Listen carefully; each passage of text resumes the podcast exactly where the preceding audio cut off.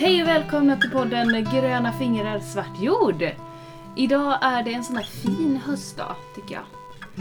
Eh, Det är eh, halvmulet höll jag på att säga, men halvklart. Jag vet inte. Det är om man ser glaset fullt eller, Halvklart. eller halvklart. Ja. Jag säger halvklart. Det är ändå så solen strålar lite.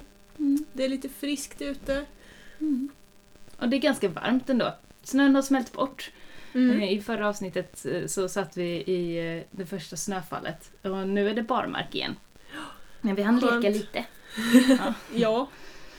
Det hann bli en sväng pulkåkning. Mm, precis. Vad har hänt för dig sen sist? Känn, ställde snön till någonting för dig?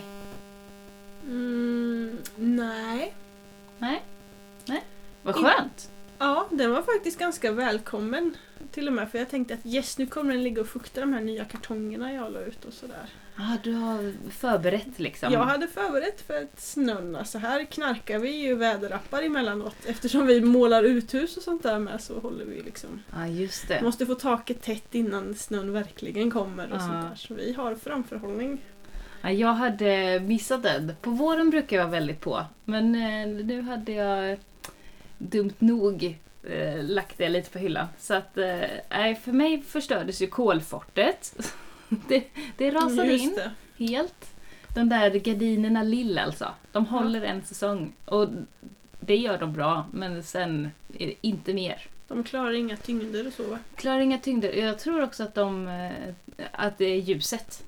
Ja, Att de liksom nöts sönder. Ja, Så att sen när, när det väl kommer någon tyngd som snö, då så vittrar det sönder.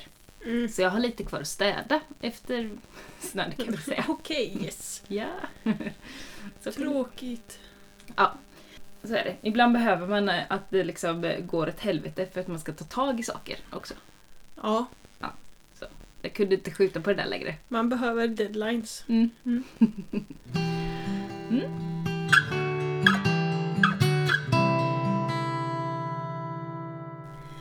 Idag tänkte vi att vi skulle prata lite om sånt här som man kan bli sur för. Så. Jaha. Ja. Jag vet inte riktigt om vi ska kalla det någon slags, som någon slags odlingsideologi eller odlingsreligion eller Mm, det finns olika sätt att odla på och vissa sätt kan man bli provocerad av ibland. Och andra kan man, kanske man bara, ja men det är lugnt. Och det är olika liksom. Ja. Mm. Som du och de här nyttoväxterna. Jag har nyttoväxt, precis det som jag säger, jag bara, nej men det där är bara skrock. Skrockväxter liksom. Och du bara, ja men det, det kör vi på. Mm. Så, det är olika det där, vad man Ja. tycker är, är bra och inte. Vi får, jag vill att vi innan det här samtalet går igång säger att vi ska hålla en god ton. så, så att vi inte blir arga på varandra. Eller får alla lyssnare emot oss. Det är inte meningen. Mm. Nej, men, och, och varför vi gör det här, det är ju för att eh, vi, vid förra poddavsnittet så pratade vi lite om det här med jättepumpa Ja. till exempel. Eh, och då också råkade jag nämna att jag eh, odlar en F1-hybrid i min trädgård. Mm. Eh, och då... Jag vet att du odlar flera hybrider. Gör jag? Ja men okej, två kanske. Jag kanske Kål. odlar fler. Gör jag det? Den lila kålen är ju en hybrid också. Är den det?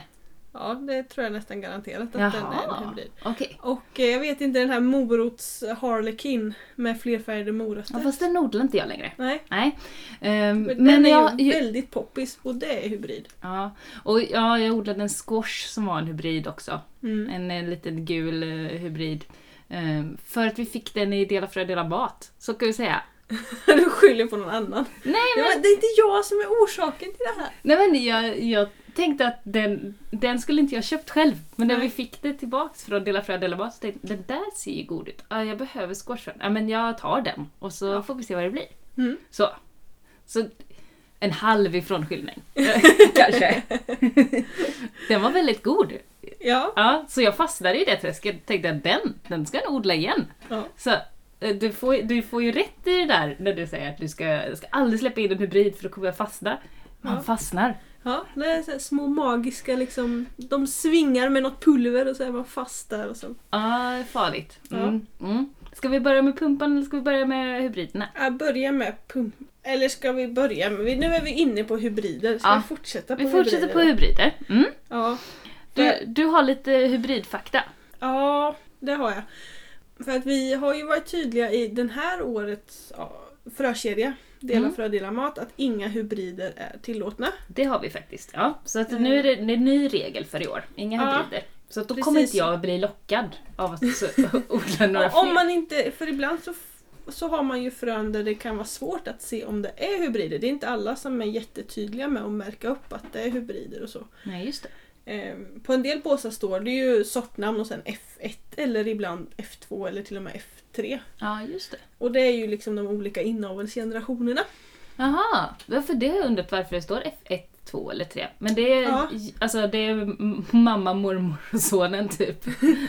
Ja men e- ett hybridfrö är ju, du har ju tagit två plantor eh, med egenskaper du tycker om Mm. och så plockar du i laboratorier ihop de egenskaperna för att få liksom, den tredje plantan som då blir en hybrid med de egenskaperna som du vill ha från dem tidigare. Just det, och den kan sen inte få barn som har samma egenskaper. Eller troligtvis Nej. inte det. Precis. Mm. Men, Det kan bli något helt annat till och med. men är det som att Måste det ske på ett laboratorienivå? Alltså måste det vara så här riktigt konstgjort så man tycker att det där verkar lite lustigt? Eller kan jag så här ta eh, en, eh, en, en pumpa Mm. eh, Och en från en pumpa ja, och så här gosa ihop dem? Då blir det ju korspollinering och då utvecklas det också till någonting helt annat som Ja. du inte vet vad det är. Men är inte det lite samma sak? Eh, alltså hybriderna blir ju människostyrda för att maximera någonting. Ja just det. Men om jag tar och styr Medan det i min trädgård, Du gör kors- jag en men du hybrid? vet ju inte där. Nej. När de gör för hybriderna vet ju exakt vad hybriden kommer bli. Så det är att de har kunskapen bakom som är läskigt Alltså, eller? Att de styr Mm. helt och hållet och sen så, alltså, att man liksom blandar växter för att få fram något som är bra eller som man liksom, något annat som man vill ha.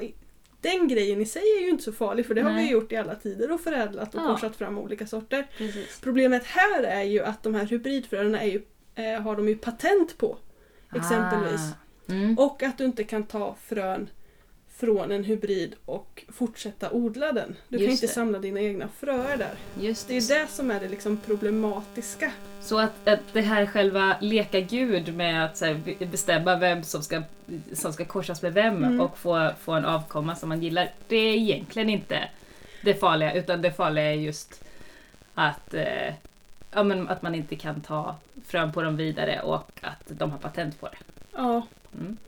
Så att vi liksom reder ut det här. ja, vad, ja vad det är. att och- korsa saker är ju ingen fara egentligen. Det har vi Nej. alltid gjort. Ja. Men när det handlar om liksom, eh, om man ska säga mer naturlig, eller vad man nu ska använda för begrepp, Mm. växtförädling så kan du liksom, då testar du ju flera generationer och ser att det liksom är stabilt och att det håller. Mm. Och att det liksom verkligen utvecklas till en ny sort, en förbättrad sort genom att korsa in. Just det.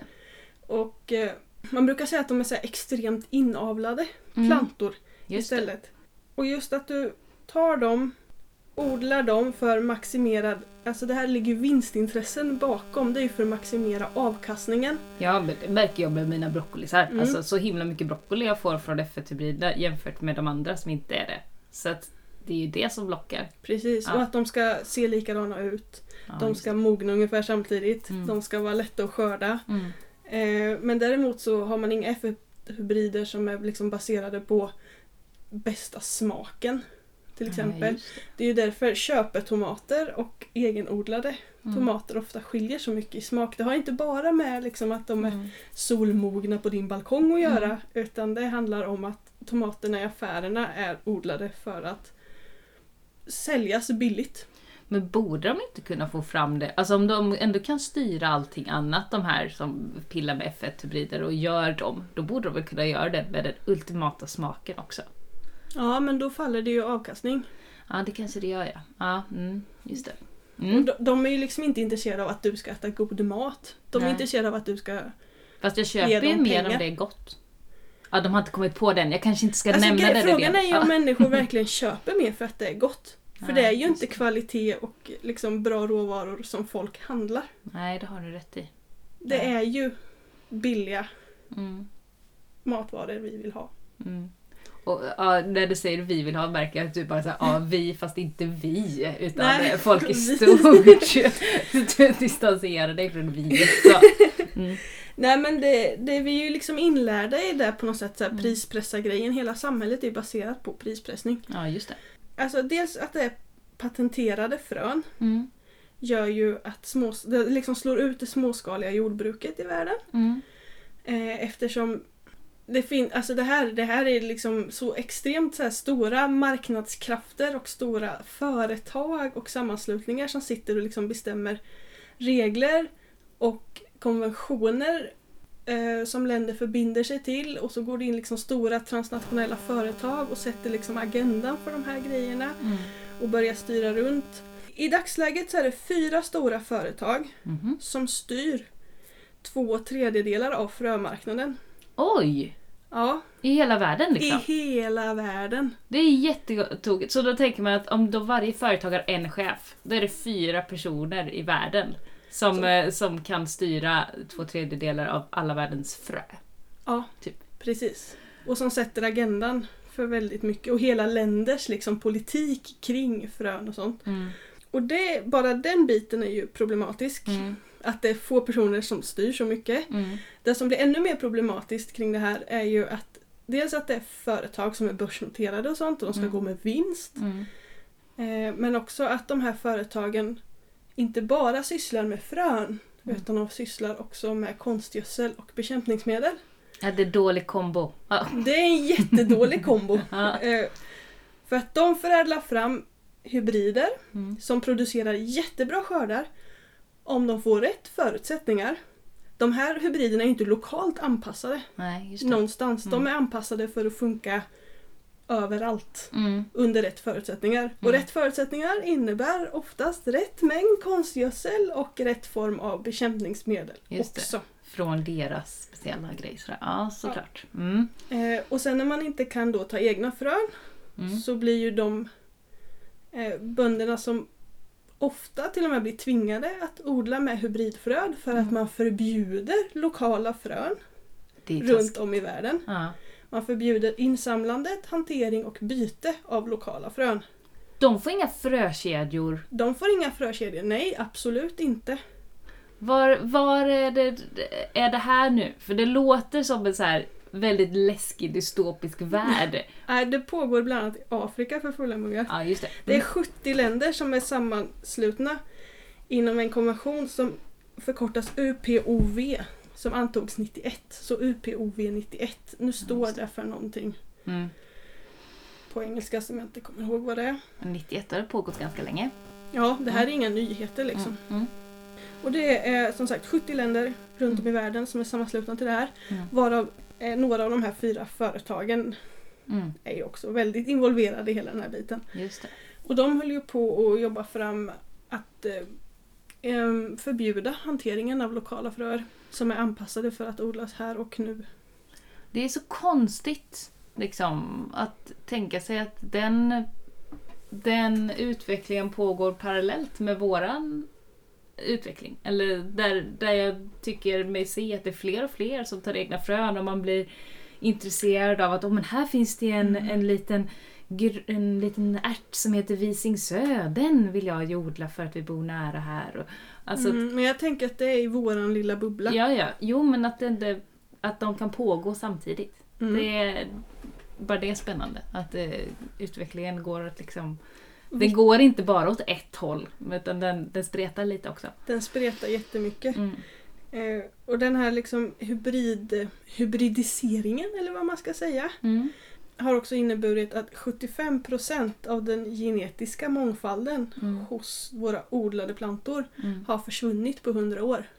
Det är helt Och det är galet. den genetiska mångfalden som gör att vi kan klara klimatförändringarna. Ja, För just att det. vi behöver ha liksom vi behöver plocka in gener och korsa fram nya växter från gamla växter Mm. som Precis. har, rätt, men som har bättre genetiskt anlag för att vara Ja, men satsar man på en sak och det slås ut och så har man ingen backup om man inte har fler alternativ. Nej, precis. Och eftersom eh, klimatförändringarna innebär mer extremväder så Mm. måste vi ha grödor som tål extremare förhållanden. Mm. Och eh, ja, men, fanns det ett majs, ett, en majs som funkade att odla i Norrland så skulle ju den klara den extrema temperaturskillnaderna som Mm. händer där uppe och de liksom förändringarna i soltimmar och sådana saker. Mm. Men finns inte den majsen Mm. så finns den ju inte och då kan vi liksom inte plocka in de liksom, temperaturtåliga generna i en majs som vi sen kan odla i Europa när Mm. klimatförändringarna har gjort att temperaturerna skiljer så mycket där nere också. Ja, just Till det. exempel. Just det. Mm. Okej, så att du är eh, liksom emot hybrider för storskaligheten hos hybriderna är, är förjävlig, typ. Mm, för Mm. att det bara är ekonomiska intressen bakom. Mm. Mm. De löser ju inte livsmedelsförsörjningen, de sabbar ju livsmedelsförsörjningen. Mm. Ja, men det har du ju rätt i. Mm. På en, på en liten lokal nivå kan jag säga att jag får ju mycket mer broccoli nu, så för mig blir livsmedelsförsörjningen bättre. Men i ett större perspektiv låter det ju tveksamt. Alltså, ja, och då blir Mm. man såhär, alltså inköp av hybridfröde gör ju att du stödjer de här Mm. fyra företagen Mm. som orsakar liksom Mm. Jag måste kolla upp de där eh, vart fröda verkligen kommer ifrån. Så att, eh, kan, kan det finnas något schysst hybridföretag? Nej. Nej. det, det, är liksom bara nej, så. det är det inte. Nej. nej, Det, nej. nej. Mm. Alltså det kan kosta liksom över 100 miljoner dollar att få ut en hybridfrö på marknaden. Det är liksom inget du gör småskaligt och snällt för Nej. att förbättra för en hobbyodlare eller något Nej. sånt där. Utan det här är liksom, det här är pure ekonomiska vinstintressen som Mm. styr det här. Jag får eh, fundera lite över min, eh, min, mina hybrider här då. De, de få som jag har släppt in. Men, eh, mm, ja.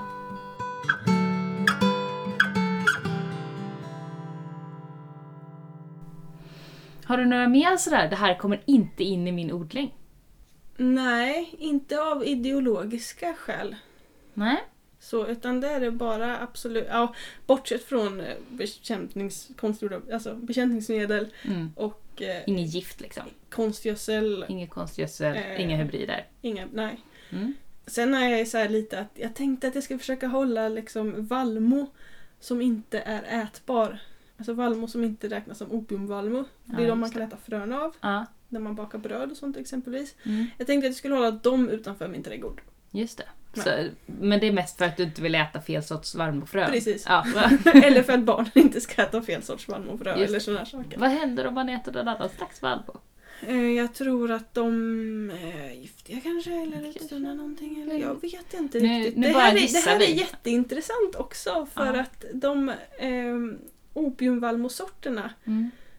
eh, står ofta som giftiga i att man inte ska äta dem Mhm. i till exempel Impectas frökatalog. Ja, just det. Men de, är- de är väl också lite, alltså... Jag har hört, och Mm. nu får vi ta det här som någonting jag har hört eller läst på nätet. Det, Mm. här, att om man typ har ätit sådär vallmofrö eh, så här, smörgås eh, på, på morgonen, sen ut och åker bil, fastnar i någon sån här eh, kontroll så kommer det ge utslag på drogpåverkad grejen. Även om man inte blir det, eller är det, men att den ger det liksom utslaget på de här mätarna. Mm. Det tror inte jag. Nej, nej jag vet jag har inte. jättesvårt att tro att den Jag- lilla mängden Jag vet inte, man kanske får äta dubbla frallor. Mm. Ja, eh, ja eller sitta och mata med sked. Jag vet inte. Jag tänker att det är lite som det här med industrihampan. Ja, Att det är ju liksom hampa som hampa och det finns ju det hallucinogena ämnet i men det är så små mängder så att det var ju någon som... man får röka så otroligt mycket. Ja det var ju typ en, en joint stor som en liksom tall. Ja, lite så. Ja. Eh, för att du skulle kunna liksom bli berusad på det Ja. eller så. Då tror jag att man är galen på andra sätt om man försöker på det. Ja, verkligen. Ja. Nej, jag tror jag har hört samma sak om att man, om man äter arraksbollar kan man åka fast i sådär. Jag Ja, men vet gud. inte. Ja, Folk. folk. Mm, vi ska Ja. inte lita på det folk skriver på nätet. Nej. Eh, nej, Ta ska- det inte som en fakta. Är det någon annan som har hört den faktan så kan säga att det där är sant eller nej det där, det där är så fake. Skriv det till oss. Så att, så att jag får veta om det här är sant eller inte. Vi kanske har någon polis som brukar lyssna. Alltså jag tänker så här, arraksbollar innehåller ju aromämne. Ja. Det är ju liksom inte ens liksom spriten i dem längre. Nej, nej jag vet. Men det är ju vad de här mätarna reagerar på. Det är det jag menar. Att det, det är ju inte liksom att man blir påverkad på något sätt, men att de kanske reagerar på det. Jag vet inte. På andedräkten då? Smak... Eller vad? Alltså jag Man fattar- måste ju blåsa i sådana här saker. Så Ja. det måste ju vara någonting med De- luften. Ja, ja, men jag tänker inte att det är lukten i luften utan jag tänker att det är innehållet av... Mm, eh, någonting. Av molekyler eller liksom... eh, Vi måste visst fördjupa sig i det där. Jag kan fråga min brandman till maka, han kanske vet. Han jobbar ju med poliserna ibland. Ja, vi får se. Mm. Ja, Nu sparade kolla vi upp ur det där. Jag kollar upp det. Mm. Och om någon annan vill hjälpa mig att kolla upp det som lyssnar, så gör gärna det. Om man hör så mycket skit ibland, tänk vad är det här? Ja, för tokigt.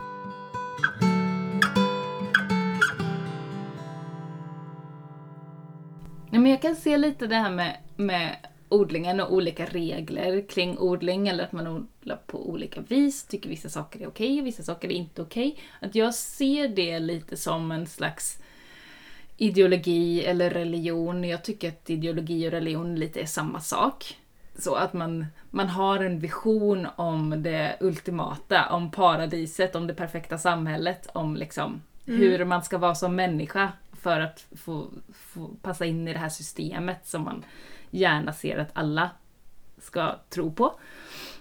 Och så jobbar man ut efter det. Mot ett liksom, mot en vision, mot ett mål, mot en bättre värld. Så jag ser det lite som samma sak och att i det systemet finns det liksom, det finns på något sätt budord, det finns djävlar och det finns helgedomar och det finns liksom eh, Big no-nos verkligen. Ja, precis. Det är synder så. Mm.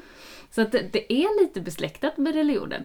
Och jag tycker det är intressant att man har liksom olika religioner får samsas, eller olika ideologier samsas i ett samhälle. Så.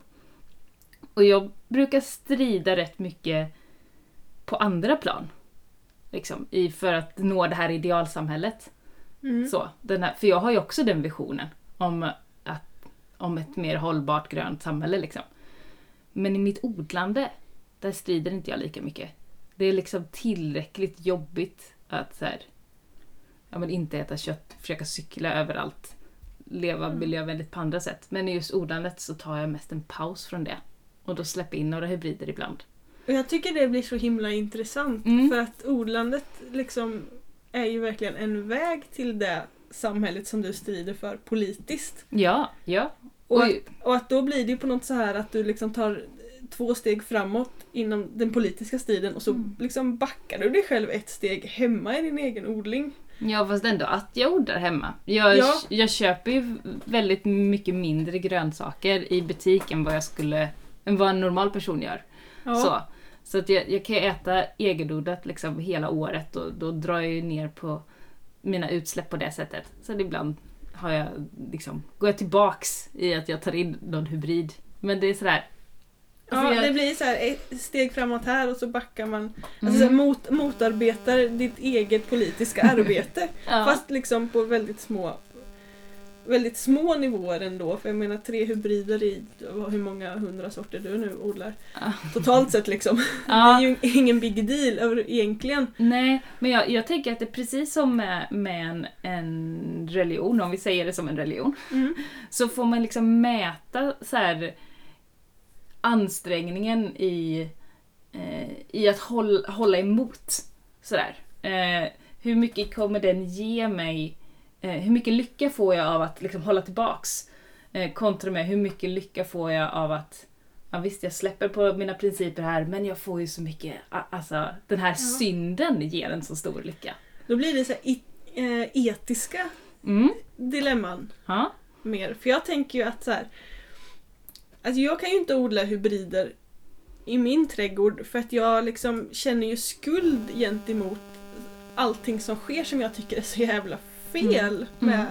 de här stora bolagen och sådana grejer. Och liksom solidariteten att inte odla hybrider för mig är liksom en solidaritetshandling med de som faktiskt dör på grund av vad de här företagen sitter och bestämmer. Mm. Att, eh, speciellt eftersom de flesta som odlar, alltså 70% av jordens matförsörjning kommer ju från kvinnliga bönder. ja. Och de är ofta eh, småskaliga och de har ingen makt. Nej, just det. Och de här eh, transnationella bolagen och hybriderna och allting slår ju jättehårt just mot de här. Mm. Och då kan ju inte, alltså det skulle men då får ju inte du någon lyckokick av att liksom gå emot dina principer. Nej jag skulle ju skörda den här broccolin och bara så här. Fast vad är jag för dålig människa? Ja. Alltså det är så här, jag skulle jag, Ja men det blir ju som att äta bajs för dig liksom. Alltså det går ja, ju inte. Nej, det blir så förknippat med negativt för mig att det Ja. blir verkligen ingen lycko... ingen lyckokick överhuvudtaget. Ja, och då är det ju självklart att du inte gör det. Eller så. Ja, Medan jag blir, kan bli så här, åh så himla mycket broccoli. Det här, ah, jag blir så glad! För att, men hur, hur kan du bara olika. tänka så? nej men det, så här, hur kan man bara tänka ett steg bakåt liksom istället för att... Jag drar ju alltid iväg så här och bara liksom steg på steg på steg på steg på steg på steg bakåt och sen är plötsligt är jag liksom tillbaka på så här växtförädlingen på 1800-talet och slaveriets början helt plötsligt liksom i, i mitt så här samvetstänke. ja och där är man ju olika hur man tänker liksom. Ja. Alltså, det är som att jag har jättesvårt för hur den, hur den stora massan av folk det, så här, det har inte du och jag pratat om så mycket, men när det, att den stora massan av folk dricker alkohol till exempel. Ja. Där är jag bara såhär, nej men är ni helt jävla dumma i huvudet? Alltså det, det, där har jag ett totalstopp. Ja. Jag har aldrig druckit, kommer aldrig göra. Det, det är för otroligt många dåliga konsekvenser med det. Och sen hela samhällsstrukturen tycker att ja men det är väl okej. ja. Så, så, alltså, så då, då är det ju Så liksom... här, den inre branden tänds liksom av olika grejer verkligen. Ja, Mm. precis. Så, så att man, man är olika, man väljer liksom sina strider och jag har, har valt att inte strida jättemycket i min odling. Mm. Sen så, det är ju först nu förra året tror jag som jag hade någon hybrid i min odling. Ehm, De tidigare sju, åtta åren har jag inte haft det. Så, mest för ett test. Jag tror det var för att jag hörde om det i två odlare emellan, att det skulle vara en så himla bra sort. Ja. Och så tänkte jag, jag måste testa den. Där är många sorter som tipsas om, där är ju hybridsorter. Ja, så att jag, jag blev lite sugen där av att Ja. testa just broccolin för att jag ville så gärna lyckas bra med broccoli. Ja, jag, jag, jag förstår ju det. Jag Ja. förstår ju den grejen också. Ja. Det är djävulen som drar igen. ja. Så. Ja, men det, och det är ju svårt att undvika för att de är ju ofta bra. Mm. De är ju skördemax... Liksom, Mm. gjorda för skördemaximering så de är ju ofta bra men i, det liksom större perspektivet så slår de ju ut väldigt mycket och klarar liksom inte av Mm. Eh, torkan vi hade i år till exempel, där Mm. har ju mycket spannmål som har liksom blivit som är hybrider eller som har blivit framtagna för skördemaximering har ju liksom inte klarat torkan. Medan de bönderna som har odlat kulturarvssorter och såna här saker eller till och med perenna spannmål har Mm. liksom haft bra skördar. Mm. De klarar det här. Jag klarar det bättre liksom. Mm. Mm. Ja, så, så olika. Mm.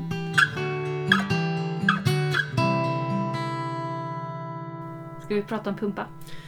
Åh, det här kommer göra mig ännu mer upprörd. Yes! Det, här, det är så här, alltså när du frågade mig om det är något jag inte skulle liksom tillåta i min trädgård Mm. så är det ju liksom, jag tillåter ju pumpor. Ja. Det gör jag. Mm. Men jag kanske inte tillåter alla sätt att odla pumpor på. Nej, alltså, det är så kul där för att jag får ju se hur, hur hårt jag kommer att satsa. Det beror lite på min, min ork och så nästa vår och nästa sommar. Eh, så jag ska inte lova någonting. Men jag har ju införskaffat frön för en så här jättepumpa. Är det en hybrid tror du? Är den liksom framtagen för att, max, för att maximera i storlek? Det är den ju säkert. För det är en ganska stor grej det här med odla största pumpan. Ja, ja, alltså den här är ju från en som, som, jag vet inte om han har vunnit i Sverige eller något sånt där. Alltså han är, Jag Han är tänker väldigt duktig varenda på att odla jävla extra höstmarknad. mm. Både här och i, liksom i Europa och i USA känns det som att man har en så här största pumpan vinner-tävling. Ja, den de här fröna har i alla fall liksom en, en, en vad heter det, stamtavla typ. Så Vet du vad sorten heter? Nej, det vet jag inte. Jag får fråga, fråga personen i fråga. Eh, Ja men gör det för jag, jag känner ju såhär, man måste ju, jag måste, man vill ju veta ändå Den är liksom. stor och vit i alla fall. Mm.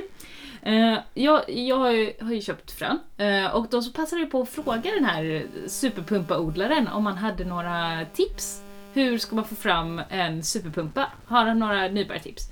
Och, och han var så schysst så han delade med sig av lite pumpaodlingstips. Mm. Eh, och då så tänkte jag, åh vad roligt, det här är ju jättekul grejer. Jag är jätteglad för att jag har fått eh, pumpaodlingstips. Och så skickar du dem till mig. Så att skickade jag dem till dig och du typ svor och fräste.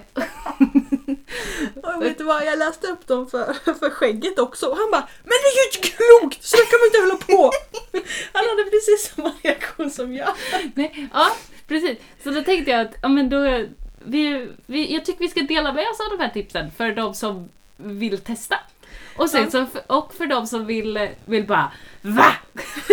så, Det skulle vara jättekul att Vi- höra om det är fler som reagerar som jag eller om folk tycker att det här liksom, ja men det här var en kul grej. jag tycker att det är, eh, eh, innan vi drar tipsen nu, kan jag säga att ibl, ibland tycker jag det är bra att liksom dra det till extremnivå. För att kunna lära sig någonting på en, en nivå som man själv tycker är, är vettig och rimlig. Att man, man läser om det och så plockar man liksom och skalar ner. Ja, precis. Mm. Så, och det tycker jag är väldigt kul. Så jag Ja. är jätteglad att jag, att jag har fått Jo, tips. Mm. Ja men tipsen i sig är jättebra. Det är ju mer att han liksom eller att personer odlar pumpa på det här sättet. Ja. Som är liksom... Mm. Ja. Okej, det är, nu ska vi se hur många tips det är. Eh, det är fem tips. Mm. Vi börjar med tips nummer ett. Mm. Eh, man ska ha ett bra frö. Ja, men det Ja. kan jag ju inte motsäga. Den, det tipset var helt okej Nej, faktiskt. vi börjar lite light, men Ja. man ska ha ett bra frö. Nummer två. Att man har en väl tilltagen plats att odla på. 7 gånger 7 meter kommer man ganska långt med. Och man behöver luckra upp jorden över hela den ytan som man tänker odla på och gödsla den rikligt. Där man planterar ut sin planta gräver man en startgrop på cirka 1 gånger 1 meter och som är cirka 70 cm djup. Alltså det är ju en grop som är större än när du planterar ett träd. Ja, det är det jag. faktiskt. Det är en jättestor Beroende grop. på hur stort trädet är förvisso. Men liksom de här som man, normalträden som man kan köpa på typ Jag- vad heter det? handelsträdgårdar och sånt. Men jag, jag funderar på hur, om, om man skulle följa där då. Ja. Vi säger att vi har en ruta 7 gånger 7 meter, man går runt med grepen och liksom gojsar runt allting, har massa gödsel och liksom försöker vända ner det i, i eh, den här, på den här marken. Sen gräver man sin grop. Typ. Och den gropen ska alltså vara nästan lika stor som en av de här kubiktankarna som ni har vatten i. Man gräver en jättegrop.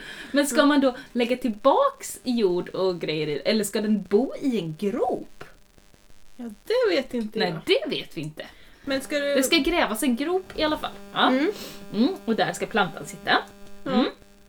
Eh, sen så Men det går- kanske är att du ska blanda och luckra extra mycket så att rötterna bara kan skjuta ner lätt. Ja. Just liksom på den Och att man ska få ner liksom gödseln en Långt 70 ner. cm ner. Ja. Liksom. Mm.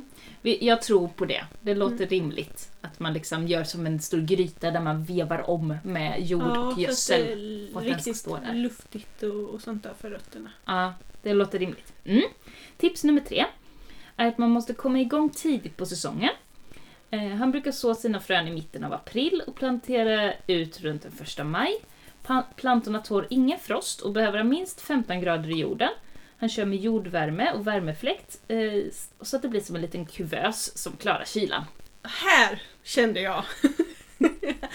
här började jag liksom. Det är en gullepumpa! Ja. Ja, eh, det är det verkligen. För jag Ja. bara så här. Jordvärme på friland? Ja. Mm. Ja, absolut tänkte jag att det här börjar kännas lite överdrivet med liksom värmefläkt och kuvös och jag bara Men han körde ändå på friland. Det- Det skulle väl funka i ett växthus, tänker jag. Sätt din pumpa i superstora växthuset istället. Då kommer inte du vara lika anti. Nej. Nej, du, nej det är ju bra. För då borde man kunna hålla den värmen även utan kuvös. Ja. Ja, Men mm. jag, jag kan tänka mig att det fortfarande är svårt att hålla en jordtemp på 15 grader. ja, det har du rätt i. Men vi har golvvärme i vårt växthus. Har ni Fast lagt... inte i, od, inte i odlingsbäddarna utan i alltså, golvet som är precis intill. Just det, så om du då sätter den här plantan intill Mm. och sen får du hålla intill det andra golvet och Mm. sen så får du hålla på och liksom leda rankorna åt andra hållet. Ja, Annars kommer ju de ta över golvet. Just det. Det kan funka kanske. Kanske. Det borde vara lite varmare precis intill där i alla fall. Du får köpa en jordtermometer och ha koll. Ja, Ja, mm. men det jag kände här är ju liksom att energiförbrukningen för någonting sånt här känns ju bara helt... Alltså det här är ju... Det är ju ett resursslöseri utan dess like. Jag vet inte var den här personen bor heller. Kanske bor nere i Skåne där det är jättevarmt. Ja fast det är inte 15 grader i Nej. maj i jorden ändå. Nej, det har du rätt i. Nej. Alltså det... Mm. Mm. Nej. Han skriver ju dessutom att han kör med Ja, ja. Jo, jordvärme och Ja. kuvöser och värmefläktar Ja. och grejer. Jo, men om, om det var fem grader eller om det var minus fem grader i marken. Ja det gör ju en skillnad. Ja, Ja. absolut. Mm. Och om det är drivet med kanske solenergi eller Ja, eh, spillvattenvärme eller sådär. Absolut. Ja. Sen tips nummer fyra är att man måste beskära plantan på ett visst sätt. Man låter huvudrankan gå fram cirka 7 meter och sidorankorna låter man bli runt 4 meter. Alla rankor som utgår från sidorankarna tar man genast bort så fort de dyker upp. Det här tycker jag är bra tips. Mm. Just för att... Alltså, sen kanske inte jag kommer ha en pumpa som drar iväg 7 meter och har 4 meter långa sidorankor. Men just det här att, ja men nu har jag hört extremen att man har en huvudplanta och sen så sidorankorna och sen så tar bort allting runt omkring. Mm. Och det har man ju hört innan. Men när det kommer från en som verkligen har lyckats odla en jättepumpa, då känns det som att ja, men då är det ju faktiskt så som, som ger högst avkastning på pumpan. Ja. Mm. Det och det är beskärningstips är alltid välkomna. Ja, Så här har jag faktiskt inga invändningar heller, liksom, att Ja. man beskär plantan i sig. det är bra. Ja, det var visst sex tips såg jag nu. Tips nummer fem är, att man täcker alla bladfästen med jord så att plantan kan sätta rötter även där. En pumpaplanta sätter rötter även på ovansidan av rankan där bladen sitter. Och det visste inte jag. Nej. Att man kunde täcka att pumpaplantorna slog, slog rot längs. Jag visste att eh, tomater gör det. Men inte att pumpan också gjorde det. Nej, det har jag aldrig märkt. För på tomaterna märker man det ju. Den skjuter ju liksom skott jättelätt. Så fort Mm. den börjar liksom känna doften av jord så börjar de där komma ut. Typ. Ja, precis. Så det verkar vara något liknande på, med pumpar då. Mm. Så det får, får jag testa. Ja. Känns som en ganska onödig grej att göra om man inte ska ha en jättepumpa. Ja, Eh. kanske. Ja. Jag tror inte, alltså ska man odla liksom för att ha några stycken att äta i vinter så tror jag inte man behöver ägna sig åt det. Nej. Nej, det har du rätt i. Om man inte vill ha extremt stora pumpor Mm. odla. Okej, nu kommer det sjätte tipset. Det Var här- beredda, håll i er. Ja. Är att man måste vattna ganska mycket och ofta, helst med näring tillsatt i vattnet. Han vattnar cirka 200 liter per dag under juli månad när det växer som värst. Och det är väl det han har som tips. Eh, Sen har han lite så här, eh, tips på olika grupper och sånt som man kan gå Ja. med i för att lära sig mer. Att man måste vattna ganska mycket. Ja men det är ganska mycket skulle jag säga. 200 liter om dagen, det är ganska mycket. Ja. Det är ganska skitmycket skulle jag säga faktiskt. Ja. Och det är nästan det här som provocerar mig mest. Mm. Liksom. Att under den värsta torkperioden ägna så mycket vatten åt en planta Mm. som ska ta fram en pumpa ja.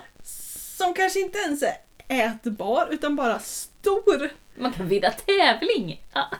och liksom och det är helt befängt. Det är ju liksom 200, det är skitmycket. Ja, det, det är mycket vatten det är det.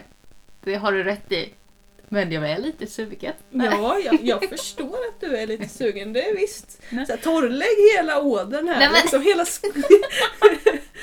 hela norra Småland kommer bli precis uttorkat i hela vattenådern. Jag tror att du drar det lite långt nu. Ja. Ja, lite kanske. Om man bodde vid en sjö. Ja, fast vatten som vatten känner Ja, jag lite. Mm. Det är en ändlig resurs, det Mm. tar slut. Och det finns saker som är värre än att vattna pumper med det, Ja. absolut. Mm. Eh, men jag, alltså, jag tycker ändå det känns så här ideologiskt fel. Du skulle inte släppa in en jättepumpa i din trädgård. En jättepumpa-odling. Nej, Nej. det nej. skulle jag absolut inte göra. Jag skulle aldrig ägna så mycket vatten och tid åt en planta. Jag, jag kommer inte följa de här tipsen slaviskt. Men jag kommer ta inspiration från dem. När jag kommer försöka odla min jättepumpa. Ja. Så, en minivariant av jättepumpa. Vad blir det då? En mellanpumpa? Ja. jag vet inte. Nej. Se om det går, går det att odla en jättepumpa på ett eh, sätt som Mimmi tycker är mer hållbart. Jag, jag förstår ju inte den här fascinationen över att liksom göra så stort som möjligt. Alltså jag förstår att Mm. man vill odla en så god pumpa som möjligt. Mm. Och en pumpa som kanske dess, alltså är riktigt god och man maximerar liksom storleken där den fortfarande är god och ätbar. Mm. Men att odla liksom bara för storlekens skull, nej. Mm. Nej, jag, nej, Jag tycker jag är kul. jag förstår inte alls. Nej, Den biten liksom, nej. Jag är så olika det. Ja. Jag tycker det är roligt. Jag odlar något jättestort. Ja. Det Ja. skulle ju vara jättekul att höra om någon av våra lyssnare har något pumparekord. Ja! Nu, nu, nu försöker jag trigga din tävlingsinstinkt här Ja! nästan. Det vore ju jättekul! Vem som kan odla störst pumpa eller vem som har odlat störst pumpa. Ja, om man liksom vet lite vad som... eh, Gärna om man då bor i zon 5 eller 4 eller däromkring. Mm. Eller 6 eller... Ja. Så att det ligger ungefär samma zonmässigt för då har man ju ungefär samma förutsättningar. Ja, alla får skriva in, men skriv gärna in vilken zon ni bor i. Ja, Så kan vi säga. ska vi se om du lyckas odla en större pumpa. Oj, ska vi ha så här pumpa-odlingstävling nästa år? Nej, Nej. det kommer inte funka att rodda med det. Nej, det kommer inte. Nej, men, men bara om, man, om det är någon mer som känner att de vill odla jättepumpa nästa år, jag är lite på på tävling. Så, då kan vi ha en intern tävling. Det. Ja. Ja, det skulle ju vara jättekul att, att höra för att jag har ju inte odlat pumpor som väger mer än typ 4 kilo kanske. Mm. Alltså de har varit ganska små. Mm. Eh, Lagom för måltid kan man Mm. säga. Ehm, Så att, eh, Jag har nog tio. Ja, eller tio vet jag att jag har odlat. Jag vet Mm. inte om jag fick till någon större förra året. Ah, jo, ah, jag vet inte. Men den här Olga som jag tog bild på ut på Instagram Ja. och Facebook, den vägde 10,8 nu när jag vägde den. Den har nog gått ner lite i vikt. De Ja, men- sjunker ju i vikt. när de torkar eller efter mognar. Ja, Mm. så det är någon månad sedan jag tog in den. Men det var nu jag vägde den. Ja, Mm. det är ändå ganska bra. Mm. Har du öppnat den? Nej, den står här nere. Jag kan kolla på den sen. Jag har haft den ute på um, glasverandan eh, och där är det ju ganska kallt. Och jag tror att den mognar bättre om jag tar in den så att den, för att den ska då bli orange först innan jag vill öppna den för det är nakenfröpumpa. Precis. Alltså jag har fått lära mig att pumpor gärna ska stå i rumstemperatur eller lite över rumstemperatur en vecka eller 14 dagar efter att man har plockat in dem för att Mhm. liksom mm, kicka mognadsfasen. Ja, för den är som att den har stått still Ja, och sen så får man gärna förvara dem lite svalare strax Mm. under rumstemperatur. Ja, just det. Men då kanske jag ska ta in den här en stund. Det var, jag ville inte att barnen skulle börja hugga i den. Så, så att jag har skyddat den. En sak till jag aldrig skulle släppa in i min odling. Barn med kniv. Eh, nej, det har jag inga problem med. Nej. Eh, däremot dekorationspumpor. Ja, just det. Ja, nej det är lite larvigt. Det köpte jag frön till en gång. Eh, Och tänkte att nu ska jag sätta det, det blir ju kul för barnen. Och sen så när jag kollade på dem så "Fast, eh, vi kan väl sätta riktiga pumpor istället. Ja, det är väl så roligare kan barnen barnen. leka med de små som liksom inte hinner utvecklas färdigt. Ja. Eller så. Precis. Eh, eller om man får extremt många så kan de ju... Ja. Mm. Jag tror jag skänkte bort dem i förra frökedjan då vi tillät lite mer.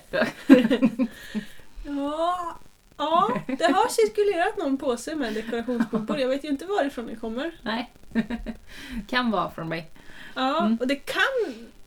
Nej, jag hoppas verkligen... Nu blir jag så här skitosäker. Jag kanske inte plockar ur den. Oj, Ja, oj. är det någon som får, som är med i Dela för att dela mat och får dekorationspumper så är det jag som har gjort en miss där. Ja, och, och jag innan för att jag hade ju fröna här och Mm. tog ut alla F1 och sparade hos mig.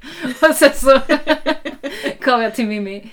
Och, så att jag har gjort en första sortering. Så den Ja. kunde jag fastnat redan där, men det tänkte jag inte på. Ja, och sen har jag ju sorterat dem igen. Mm.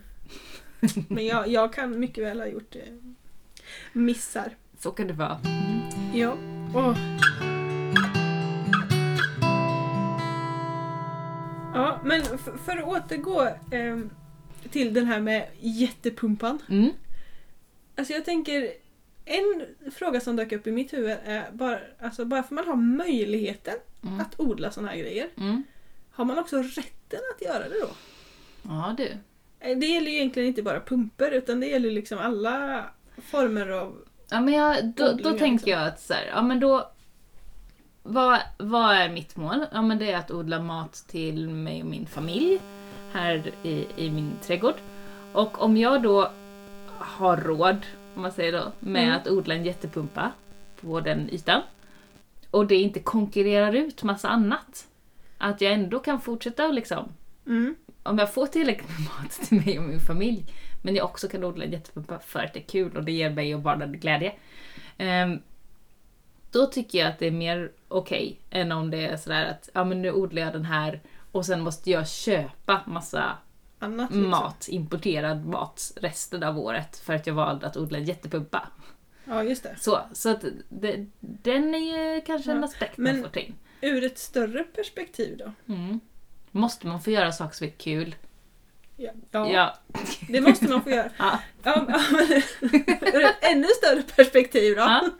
Bara för att vi har möjligheten att odla vissa saker på ett visst sätt Mm. innebär det per automatik att vi har rätt att göra det. Mm.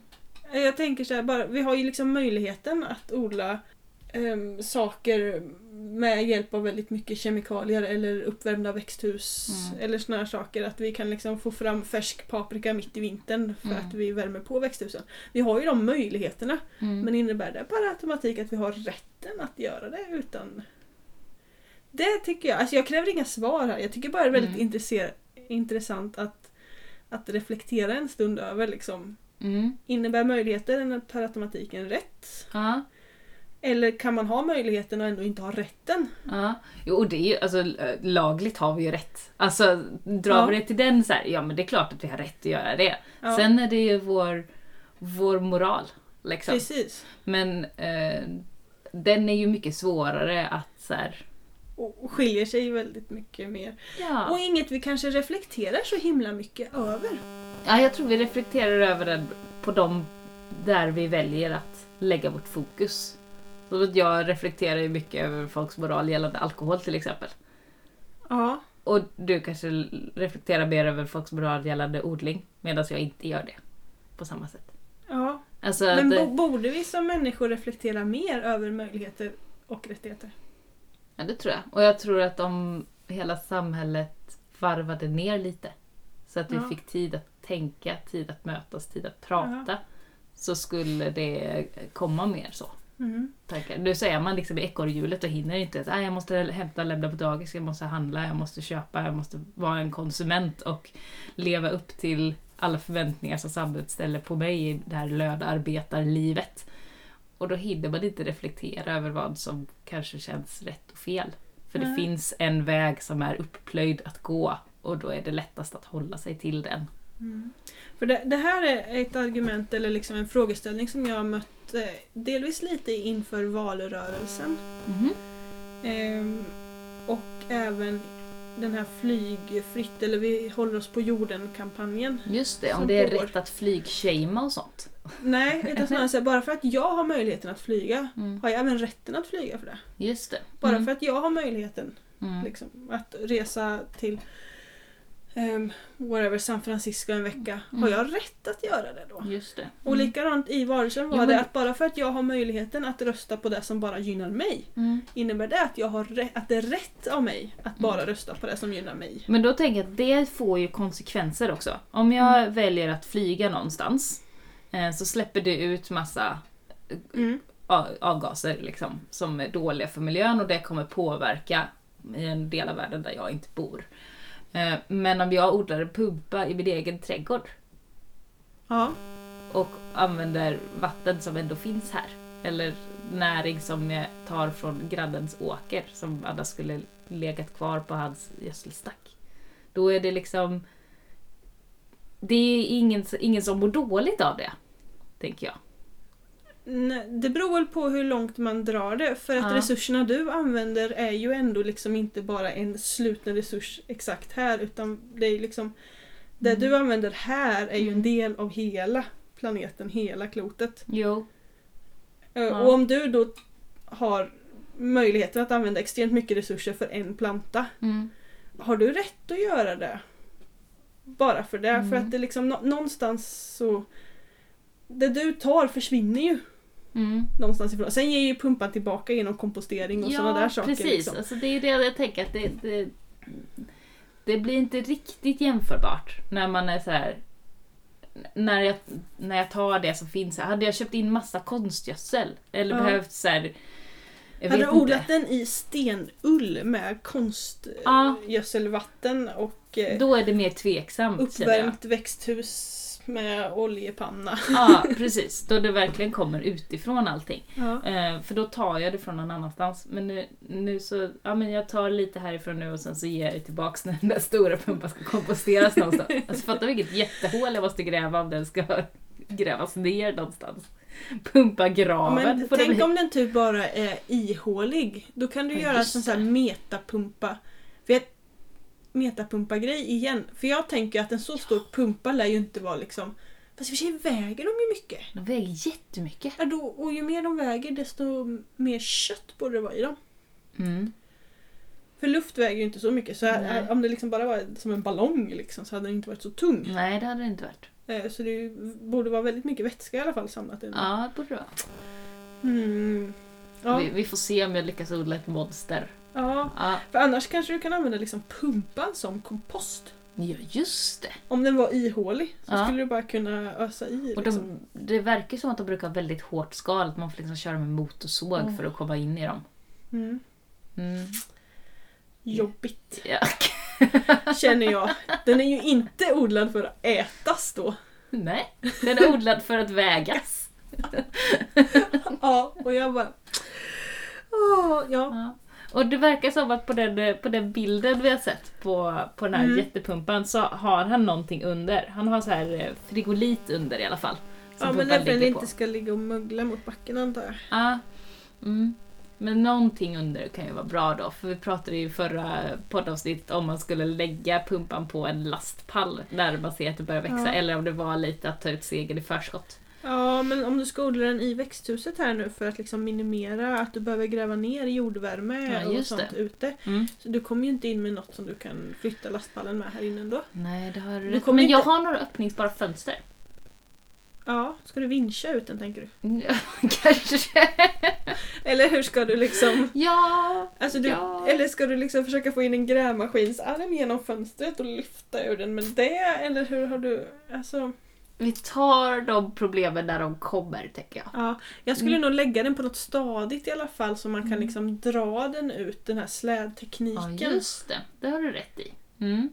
Eh, För då räcker det Liten med kälke. lite ja, runda stockar eller glatta brädlappar eller något så kan Mm. du ju liksom dra om du har något. Just det.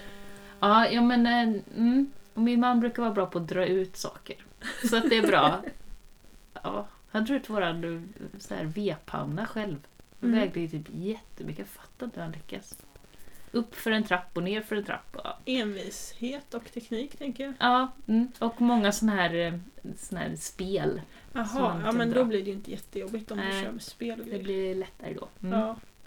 Jag tänker att såna här saker beror också på hur man eh, är funtad lite mentalt. Tänker Mm. jag ofta på. Att Mm. vissa människor är så här, ja men nu är det jobbigt, nu är jag trött, nu lägger jag ner. Och vissa är så här, ja men nu är det jobbigt, jag är trött, jag har 15% till. Mm. Liksom, att de är mycket bättre på att pusha gränserna. Ja.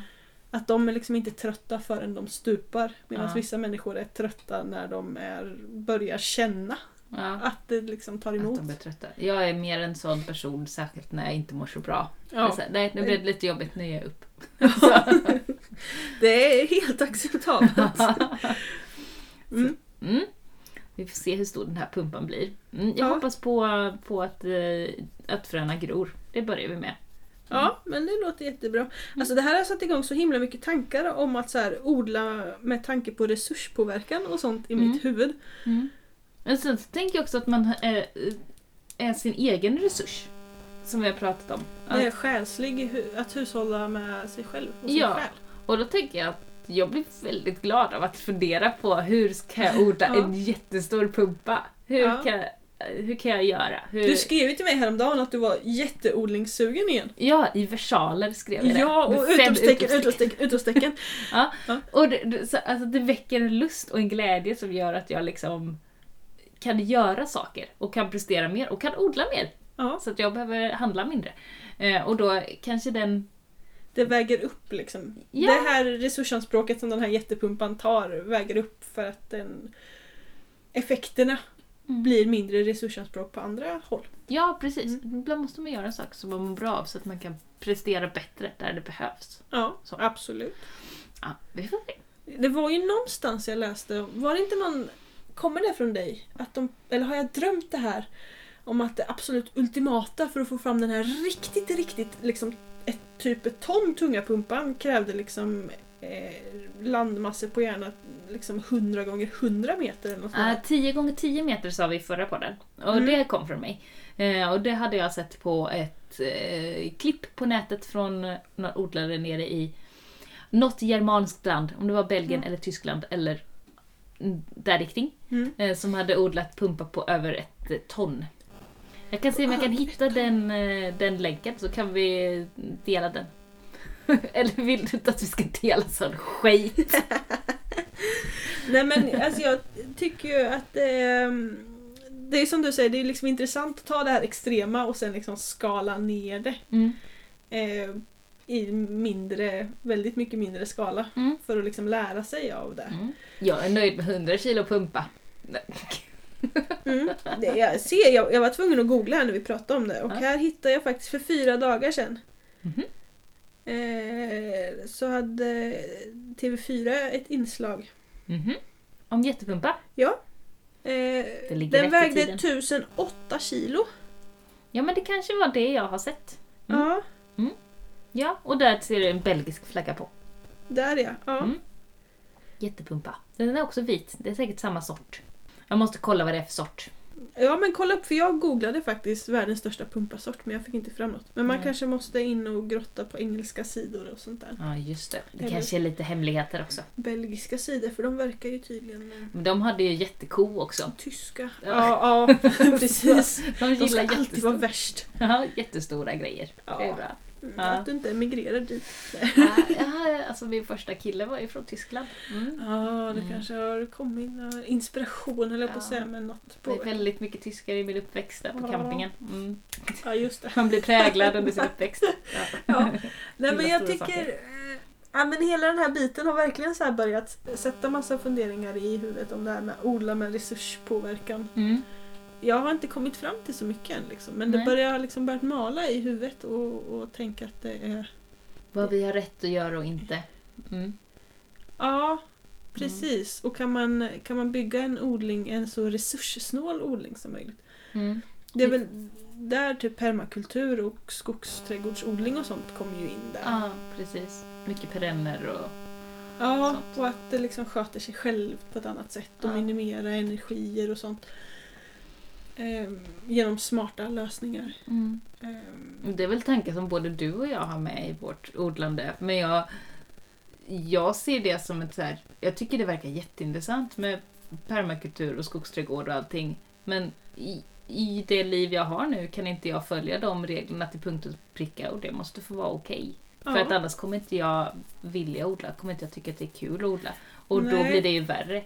Så man kan, Mm. Jag tar inspiration från det, jag tar inspiration från det. Jag är lite mer så här, new age i min odlingsreligion. Att jag väljer lite så här, lite glammiga stenar, lite, lite någon, någon hinduisk eh, snabelgud och sen så tar vi någonting här och så blir det något fint mischmasch tillsammans. Ja, Och men att alla är snälla mot varandra i slutet. Det blir lite sådär.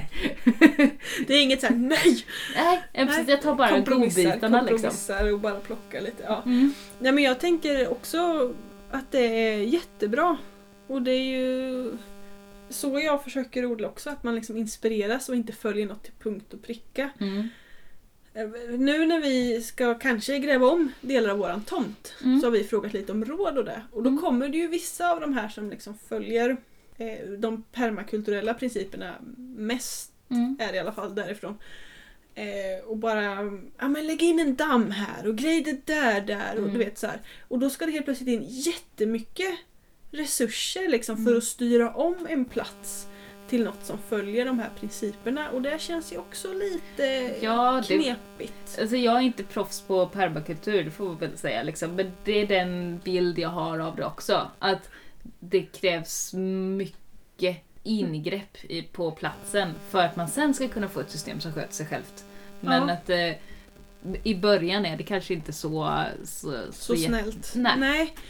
Eh, för Jag känner att man vill göra så lite påverkan som möjligt och röra upp så lite som möjligt i jorden. Mm. Känner ju jag nu när de har börjat borra brunn hos oss så har jag liksom så här vaknat på natten och bara Alltså det skaver lite Mm. i hjärtat och veta att de bara så här, det står en stor jävla lastbil med en kompressor i och ett enormt tryck och så bara möljer de liksom över 100 meter rakt ner i berget Mm. utan att liksom reflektera över det. De bara liksom trycker på en knapp och det bara Mm. och det är lite, vi har inte frågat om lov. Vem skulle vi fråga om lov? Ja, men jag känner lite så att man på något sätt ändå liksom behöver ursäkta sig eller fråga lite.